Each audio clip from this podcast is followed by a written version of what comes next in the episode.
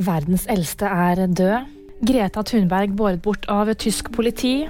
Sir Jim Ratcliffe vil kjøpe Manchester United. Lucille Randon var verdens eldste. Nå er hun død, hele 118 år gammel. Det melder nyhetsbyrået AFP. Randon var en fransk nonne og ble født i Sør-Frankrike 11.2.1904. Her blir Greta Thunberg båret vekk av tysk politi igjen. Klimaaktivisten ble nemlig også bortvist søndag.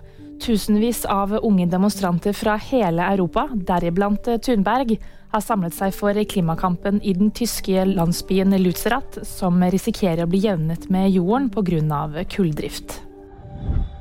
Sir Jim Ratcliffe vil kjøpe Manchester United, det melder The Times.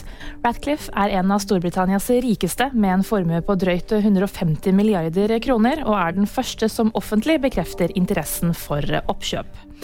Ifølge The Times er det ventet at det også vil komme bud på å kjøpe opp fotballaget fra USA, Midtøsten og Asia.